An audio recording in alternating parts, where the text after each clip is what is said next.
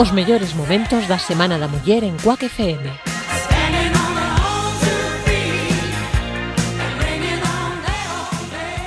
estiven pues, buscando un poquinho de información sobre Elvira Bao e a verdade que, que desas eh, mulleres eh, que teñen moitísimo mérito mestra e eh, activa militante do galeguismo e do republicanismo que xa en 1918 foi secretaria da xunta directiva nas Irmandades da Fala da Coruña e tamén colaborou no seu cadro de declamación. Posteriormente foi membro da Agrupación Republicana Feminina da Coruña dende a súa constitución en 1933 e foi presidenta da primeira xunta directiva. Um, tras o levantamento militar de 1936 pasa uns meses no cárcere e separada definitivamente do ensino público como lle pasou a moitas mulleres desos que se chaman os mestres e mestras republicanos.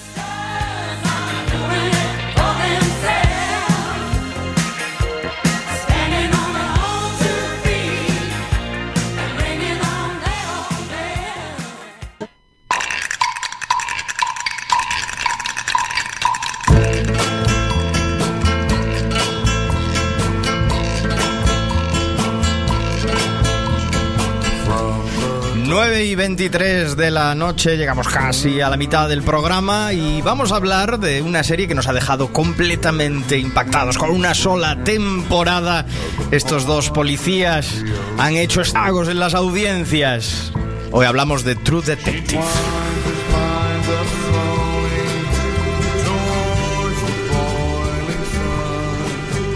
True Detective es una serie estadounidense dramática de género policíaco, protagonizada por dos conocidos actores cinematográficos, Matthew McConaughey y Woody Harrelson. Creada por el novelista Nick Pizzolato, eh, conocido por eh, otro éxito como fue The Killing y dirigida por Kari Fukunaga, True Detective se convirtió en una de las mejores series de 2014, llegando a ganar hasta 5 premios Emmy. HBO la estrenó de forma simultánea, eh, tanto en Estados Unidos como en América Latina, el 12 de enero de 2014 y Canal Plus Series fue el canal que se encargó de emitirla aquí en España, estrenándola tan solo un día después, el día 13 de enero. Por ahora existe eh, una única temporada que cuenta con tan solo 8 episodios, pero actualmente HBO está trabajando ya en la segunda temporada, sobre, sobre la cual os contaremos algo más al final de este reportaje.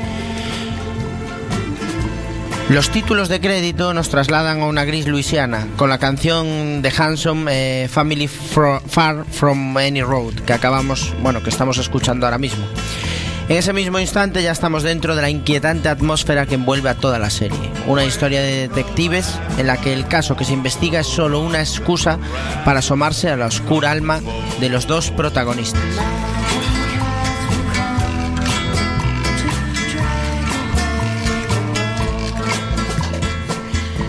La historia de True Detective juega con dos hilos temporales. El primero de ellos está ambientado en los años 90, en el estado sureño de Luisiana, donde la vida corre tranquila y parece que nunca pasa nada. Los detectives Martin Hart, interpretado por Woody Harrelson, y Rustin Cole, interpretado por Matthew McConaughey, de la División de Investigaciones Criminales de la Policía Estatal de Luisiana, comienzan a investigar un asesinato. A ver, cuéntame qué ves. Marcas de ataduras en muñecas, tobillos y rodillas. Varias puñaladas superficiales en el abdomen. Hemorragia en torno a la garganta. Lividez en hombros, muslos y torso. Estuvo un tiempo tendida de espaldas. Antes de moverla.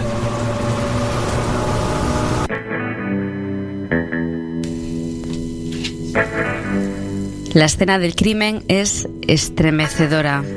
La víctima, una mujer que se encuentra desnuda, atada de pies y manos, con unos cuernos de venado en su cabeza, se encuentra en medio de una plantación de caña de azúcar. Todo parece indicar que se trata de un ritual de santería, obra de un posible asesino en serie. La resolución del caso avanza con ritmo pausado, el mismo que tiene la serie, muy, muy lento, como si no hubiese prisa por llegar hasta el final. La segunda línea temporal nos acerca a la actualidad, al año 2012. Hart y Cole, ya retirados de la policía estatal, son entrevistados por los detectives Gilbert y Papania, que investigan, 17 años después, unos crímenes similares. Cole y Hart reviven aquel terrorífico caso y cómo afectó a sus propias vidas durante siete años.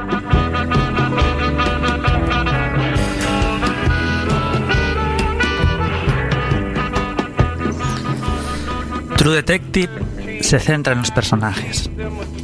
Es una serie donde los detectives son más importantes que la investigación. A lo largo de la trama observamos el desarrollo de la oscura personalidad de los dos protagonistas. Los continuos cambios entre ambas, ambas, líneas temporales nos dan una perspectiva inédita de cómo este caso afectará a sus vidas. ¿Qué le pareció formar pareja con él? ¿Qué me pareció?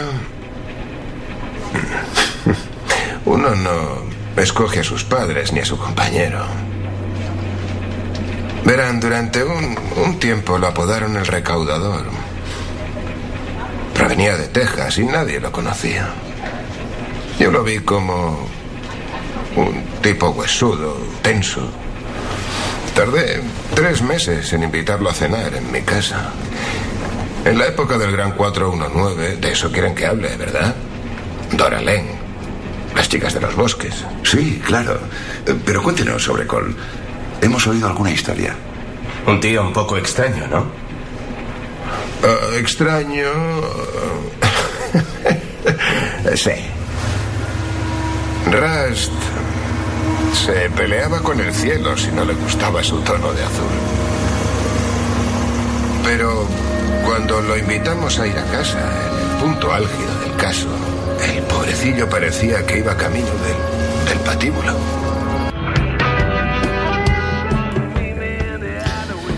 Rustin Cole, interpretado por Matthew McConaughey, nació en Alaska, se crió en Texas y cuando comienza la serie lleva poco tiempo en el departamento de policía de Louisiana. Para nada presenta el arquetipo del típico sureño americano, sino más bien todo lo contrario. Es un lobo solitario, envuelto en una espiral de autodestrucción por un tráfico, trágico pasado que conoceremos a lo largo de la historia, aunque ya en el primer episodio queda bastante claro el por qué vive como vive. No está interesado para nada en las relaciones humanas y por ello es difícil que encaje allá a donde va. Como escuchamos previamente, no le llaman el recaudador porque se dedica a recoger dinero para comprar rega- regalitos para sus compañeros de trabajo. Yo, yo, yo he visto de todos los tipos. Todos encajamos en alguna categoría.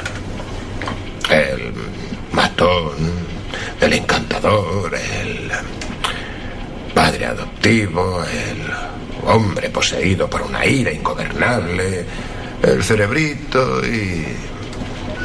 Cualquiera de esos tipos puede ser un buen detective y cualquiera de esos tipos puede ser un torpe incompetente.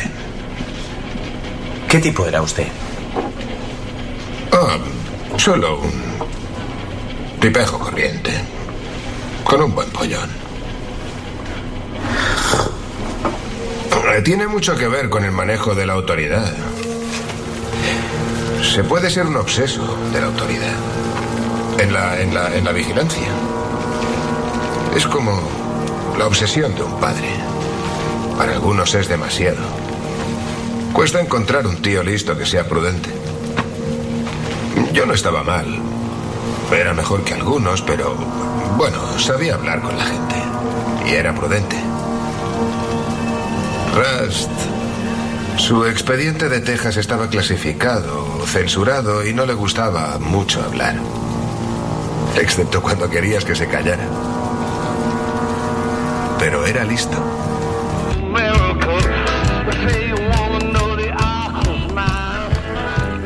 Martin Hart, interpretado por Woody Harrelson, se define a sí mismo como un tipo normal, y la verdad es que la descripción es bastante acertada. Un tipo normal, eso sí, en plena crisis de los 40. Casado y con dos hijas, se olvidará del calor de su hogar para buscar el placer fuera de casa. En la pareja de, detectives, él es el líder de cara al departamento policial o a la prensa. Pero él es muy consciente de la superioridad intelectual de Rustin y no dudará en hacerle caso en casi todo lo que éste le plantee para avanzar en una investigación. Se esfuerza por intentar que Cole parezca un tipo normal, pero esto casi siempre es en vano. ¿Qué? Lávate, hueles mucho a conejo. La clave de un matrimonio sano. Oh, es el de Maggie, ¿eh? Eh. ¿Y a ti qué cojones te importa? Nada, tío. Perdón, olvídalo. Oye, ¿me lo parece o estás sugiriendo algo sobre mi mujer? ¿Dices que es de tu mujer? Ese pestazo que traes. ¿Y cómo hostias crees tú que tiene que oler el coño de mi mujer? No, lo que quiero decir es que traes la misma ropa de ayer. Si añadimos el hecho de que no soy imbécil, no sugería nada sobre ninguna particularidad del olor. No digas ni una puta mierda sobre mi mujer. Ni la menciones. Si te has levantado sin poder soportarte por mi bien. Pero no vale la pena perder las manos por eso. ¿Y cómo voy a perderlas? Si aplicase un kilo de presión y te partiese las muñecas. Eres un detective con experiencia.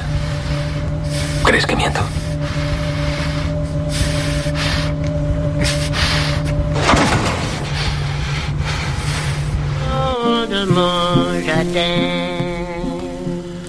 A pesar de que Ras y Martin parecen soportarse perfectamente, no faltarán tampoco los típicos momentos de tensión entre compañeros.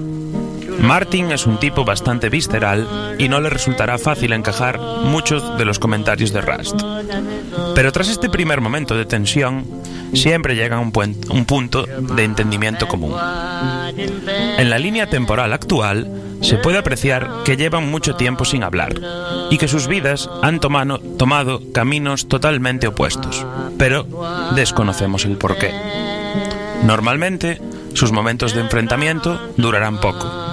Así que intentar intuir cómo se ha producido este distanciamiento es uno de los alicientes de True Detective. Años llevamos ya con esto.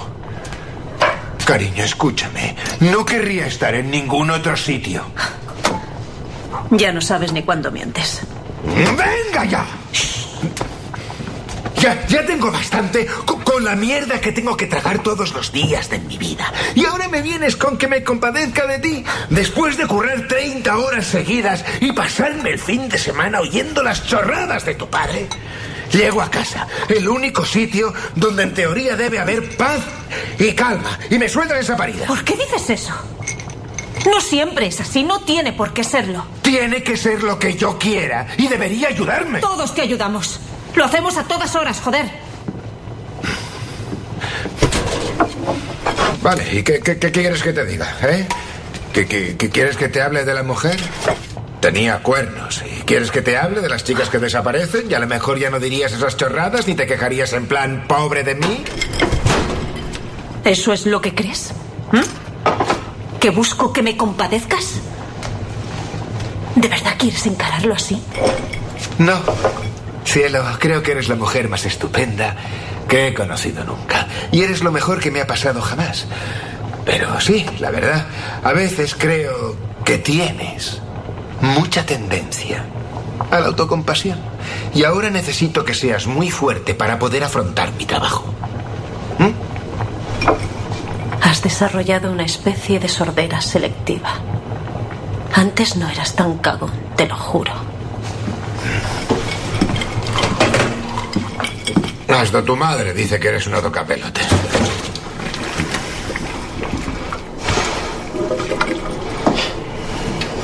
Dile a las niñas que a cenar.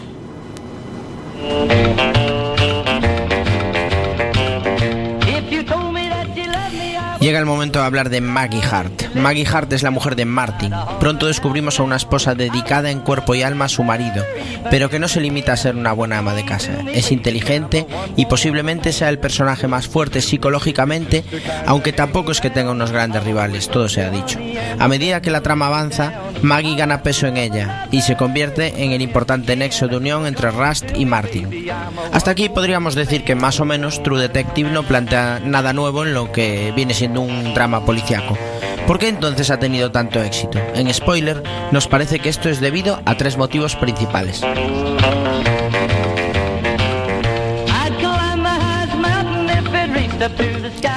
Pues el primer motivo es la ambientación. Estamos hablando de Luisiana, el Estados Unidos, la América profunda, profunda. HBO le ha dado un toque muy cinematográfico a True Detective y esto se aprecia sobre todo en la dirección, pero donde más se luce es recreando la ambientación de Luisiana. Esos planos aéreos en los que se ven las vastas extensiones pantanosas que nos evocan melancolía y desesperación. Es imposible que esa investigación llegue a buen puerto. Parece sencillo deshacerse de un cuerpo y desaparecer, que nadie pueda atraparte, o peor aún, que lo encuentres y que no sea para nada lo que te esperas. Las congregaciones religiosas también están muy presentes, sobre todo las que se unen bajo la típica figura del predicador ambulante que promete milagros a cambio de donativos. El fanatismo de ese tipo de asociaciones está perfectamente recreado y el contrapunto con Rust, que es lo más adictivo de la serie. Gran culpa de que la ambientación nos traslade perfectamente a Luisiana es culpa de la banda sonora. El blues está muy presente y T-Bone Bar- Barnett ha hecho un trabajo magnífico en este aspecto, con temas de creación propia y con una selección de clásicos entre los que podemos destacar Bring to Jerome de Buddy Lee, Clear Spot de Captain Bifford, Stand By Me de Staple Singles, Honey Bee de Green Day Man,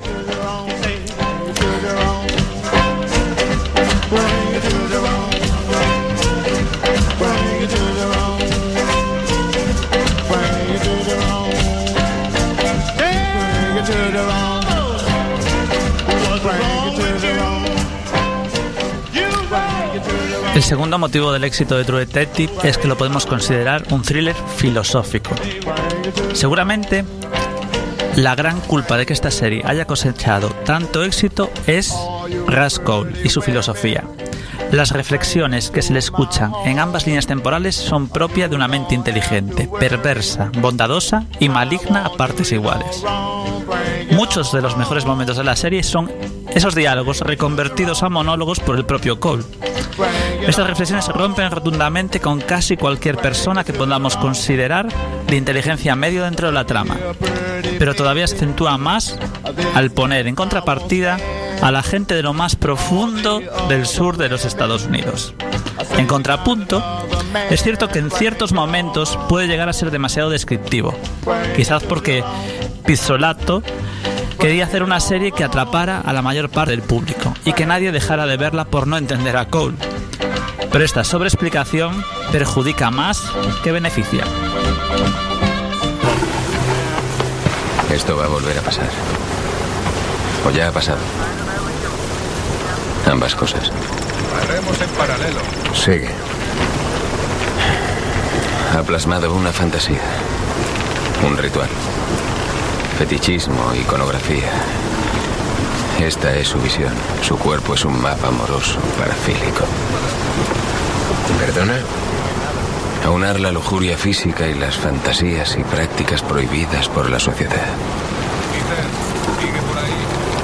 ¿Lo sacas de alguno de tus libros? Pues sí.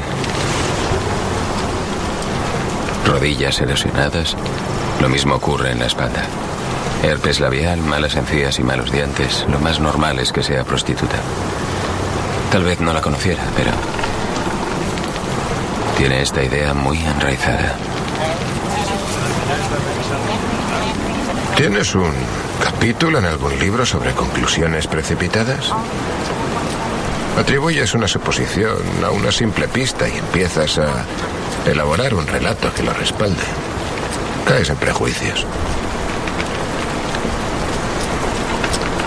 Espera que la identifiquen. Muy bien. Estas cosas no suelen ser espontáneas.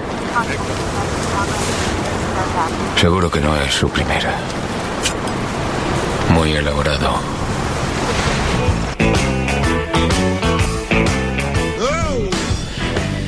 Y el último motivo por el que engancha esta serie es la investigación. En una serie policíaca, la investigación debe enganchar al espectador. En True Detective no hay giros de guion inesperados. Es una investigación que avanza muchas veces por intuición, a veces porque aparecen nuevas pistas y a veces simplemente por azar. ¿Cómo logra entonces enganchar al espectador? Principalmente lo consigue no desvelando la identidad de los responsables del asesinato hasta que la trama está prácticamente terminada. Y además añaden subtramas de otros crímenes que podrían estar o no relacionados con el principal. Cole no dejará ninguna posible pista sin investigar, aunque esto a veces parezca apartarlo de su objetivo principal. En cuanto al caso principal se refiere, las implicaciones religiosas están muy presentes y siempre es un tema que genera polémica y que engancha al público. Está muy presente un- el asesinato con iconografía religiosa y hemos aprendido a sospechar de familias importantes de políticos, religiosos o incluso compañeros del departamento de policía. La serie mantiene perfectamente esta incógnita e incluso sorprende en de- en determinados momentos con las reacciones del departamento de policía ante la presión de ciertos lobbies. Estaba inmaculada, ni una sola huella. Marcas de ligaduras en muñecas y tobillos de una cuerda de 10 milímetros, quizás entre 10 y 20 horas. Muestras de penetración vaginal. La ataron de pie. No había comido en un día o quizá más. Toxicología detectó ácido lisérgico y metanfetaminas. Cristal y LSD. ¿Cuánto LSD? Indeterminado. He pedido que lo concreten. Con que fue drogada, atada, torturada con el cuchillo, estrangulada y colocada allí. Sí. ¿Y qué hay de esto?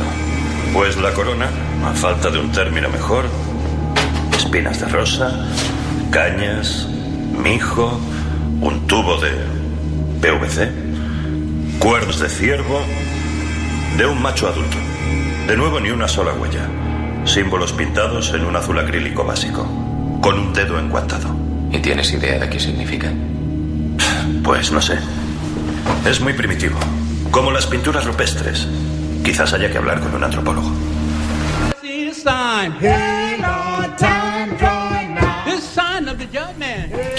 Bueno, además de estos tres pilares fundamentales, hay algo de la serie que viene a la cabeza de todo el mundo en el momento de nombrarla.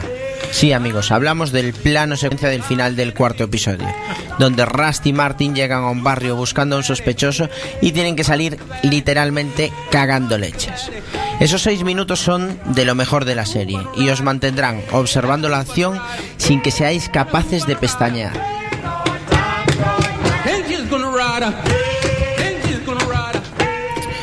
Bueno, ya para ir terminando un poquito con, con lo que es eh, True Detective, simplemente pues os traigo una pequeña crítica eh, escrita por Pedro Torrijos en Jotdown, en la que textualmente dice que True Detective, por ambientación, por cinematografía y por dirección, está muy por encima de la mayoría de las producciones televisivas que han pasado por mis ojos. Woody Harrelson y Matthew McConaughey han creado porque lo que han hecho en el fondo es crear las mejores interpretaciones que jamás he visto en una pantalla de televisión. Ahí queda eso.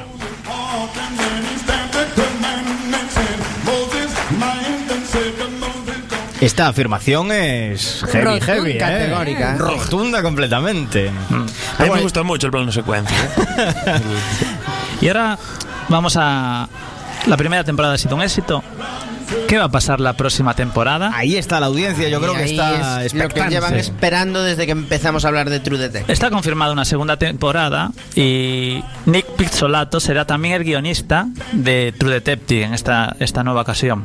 Pero habrá cambios. Por ejemplo, la trama se trasladará de Luisiana a California y ninguno de los personajes repite.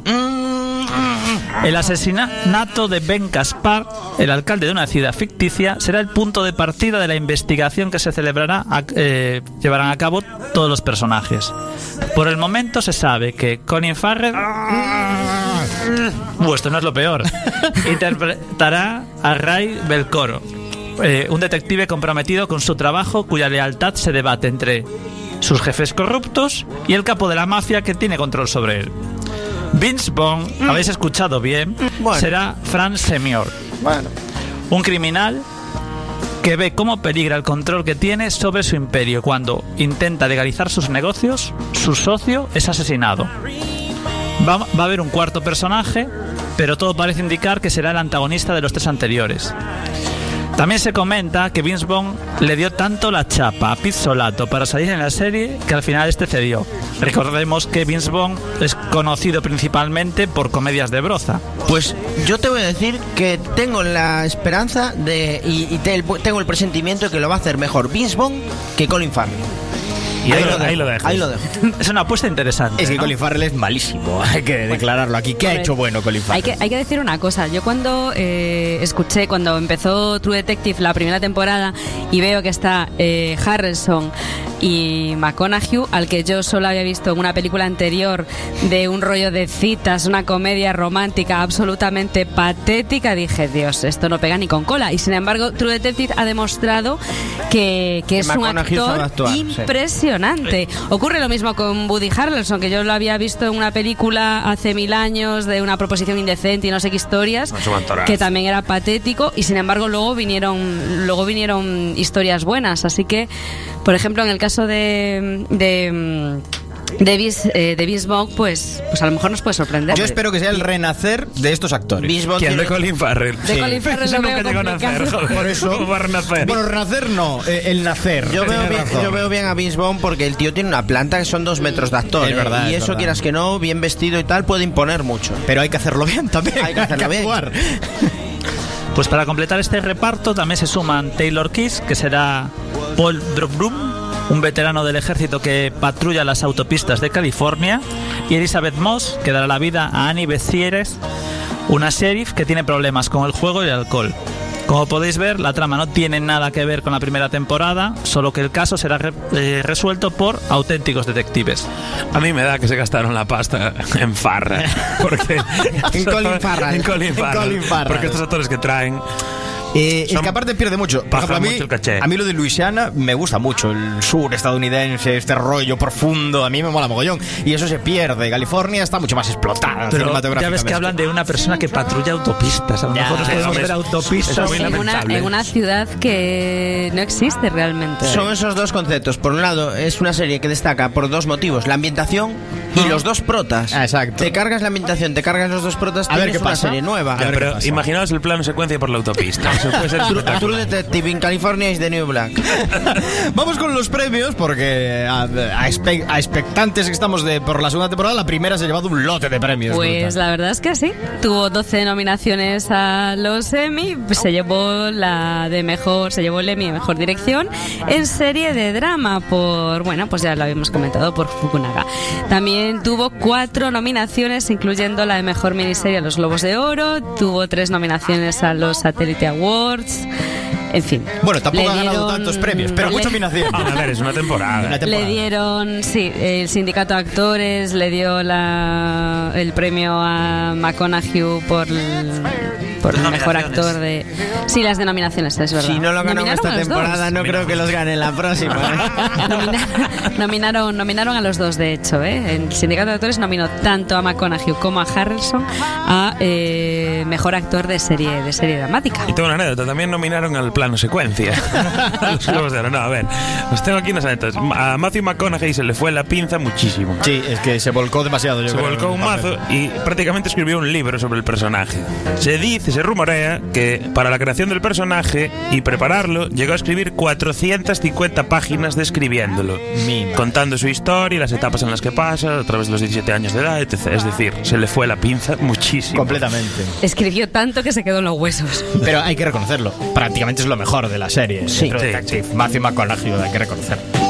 Y otro detalle importante que no sé si sabíais, y es que la serie está inspirada en hechos reales. Es decir, los casos que investigan en el equipo de investigación habían ocurrido realmente en, en- en el mundo real. De hecho, uno de los casos que hace referencia a ritos satánicos apareció en la prensa estadounidense allá por el año 2005. Curioso, bueno, esto le da un valor añadido, ¿eh? ese factor de realidad. Muy interesante.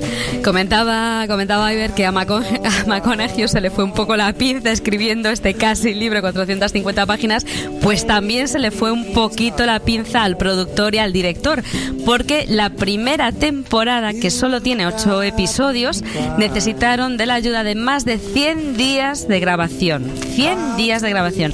Lo cual, no tiene ni muchas películas. haciendo la ni de coña, haciendo la cuenta, cada capítulo requirió 13 días de rodaje.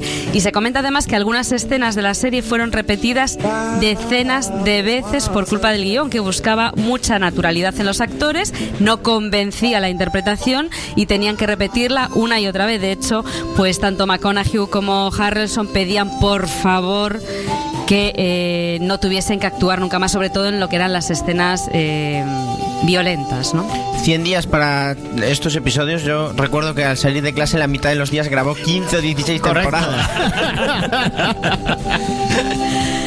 Y una, una última anécdota es que esto ya nos salimos de- del mundo de, de la pequeña pantalla y nos vamos a la grande. Pero bueno, que Kari Fukunaga, que no era demasiado conocido hasta haber hecho True Detective, pues eh, es noticia ahora en los Estados Unidos porque es el director eh, escogido para eh, adaptar cinematográficamente It.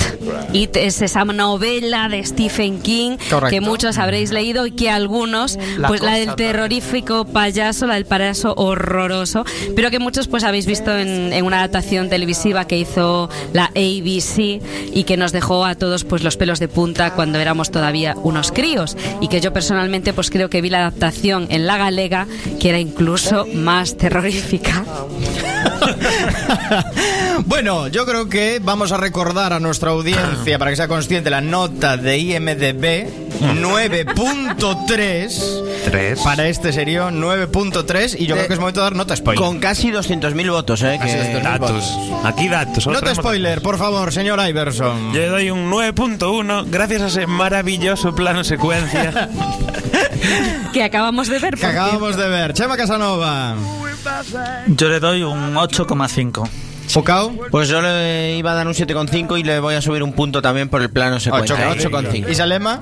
Pues yo le voy a dar un 8 porque a pesar de ser una, ve- una serie realmente eh, espectacular, los cinco primeros capítulos son extraordinariamente A veces pasa, hay lentos. gente que no le gusta el plano secuencia, No, pues se le da un 8. son muy, muy lentos. Alex Gordiña. Otro nueve. Otro 9. Yo también soy de los 9. Apúntame un 9 ahí, Vamos. Chema. Y computa esa Computa nota los datos.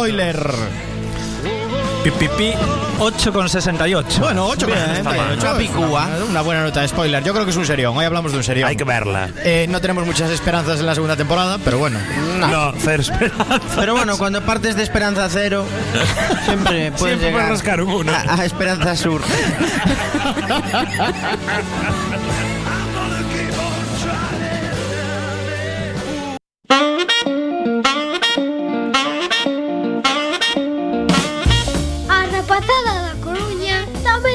estamos coa que FM no 103.4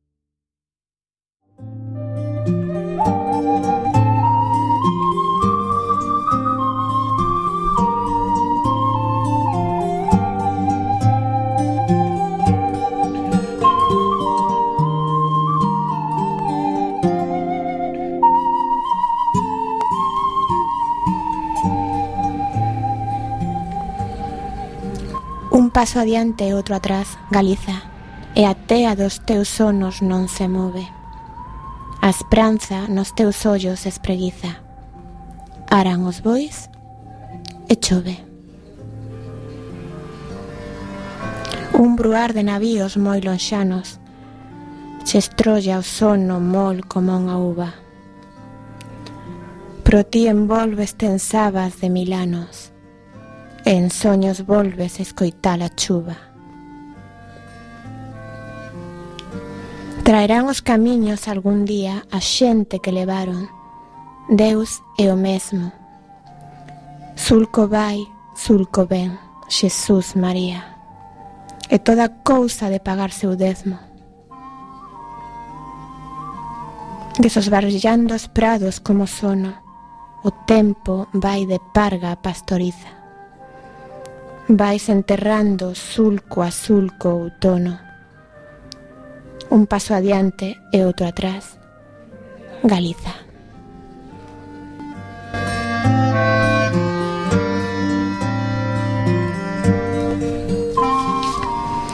O poema que acabamos de escoitar titúlase Penélope e pertence ao poemario Nimbos publicado en 1961 polo noso ben querido poeta Xosé María Díaz Castro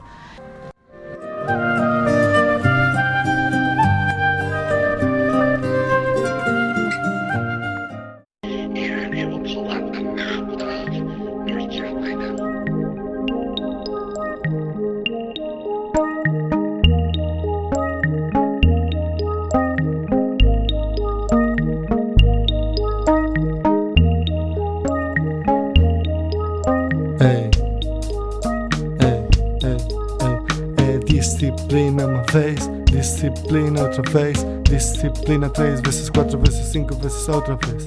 Disciplina uma vez, disciplina outra vez, disciplina três vezes, quatro vezes, cinco vezes outra vez. Luxury home, numa quality green zone, dentro do mundo fitness de lojas hard discount, vida premium, laranjas premium, PAM premium, ódio premium. Imagina um liberal dando euros a quatro pesos. Um bosque de marcas brancas. Estamos todos de passeio. Dubai lifestyle, ídolo do parkour. Made in people, filha dos deuses. É disciplina uma vez, disciplina outra vez, disciplina três vezes, quatro vezes, cinco vezes outra vez. Disciplina uma vez, disciplina outra vez, disciplina três vezes, quatro vezes, cinco vezes outra vez. Dieta vegetariana biótica, uma grande doutorada de ambos espaços, método cozinha da sopa, o galo de pastas grandes, encadeado a liquidificador, uma casa desenhada por sabedoria. Es una lástima que la sociedad española esté al margen de la arquitectura. Dieta da combinação de alimentos, dieta mediterrânica, dieta da pirâmide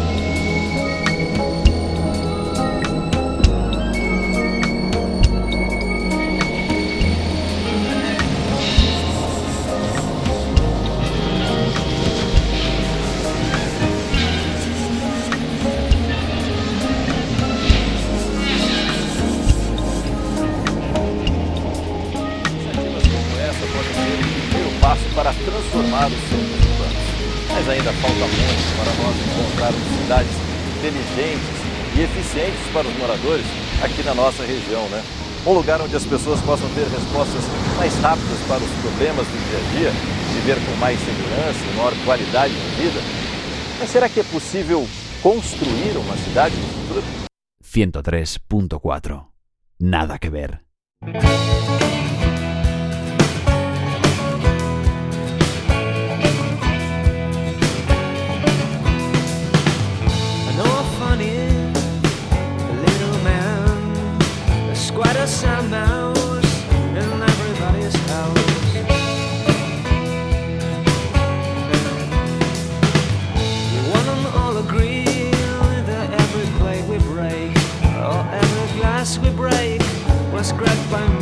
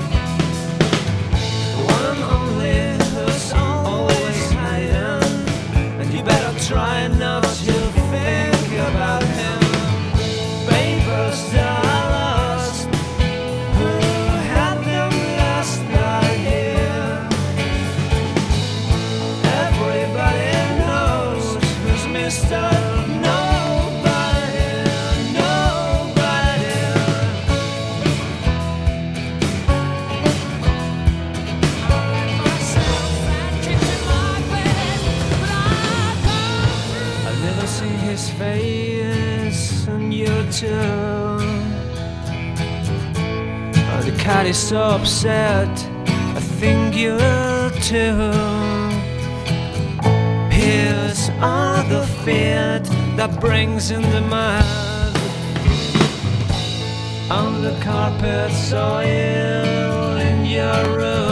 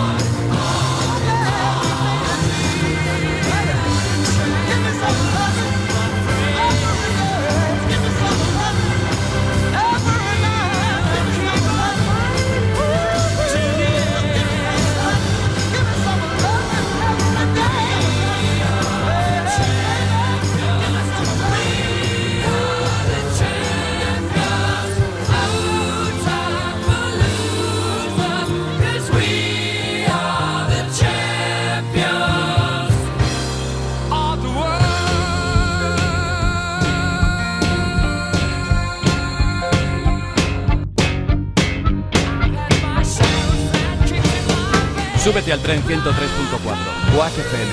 Nada.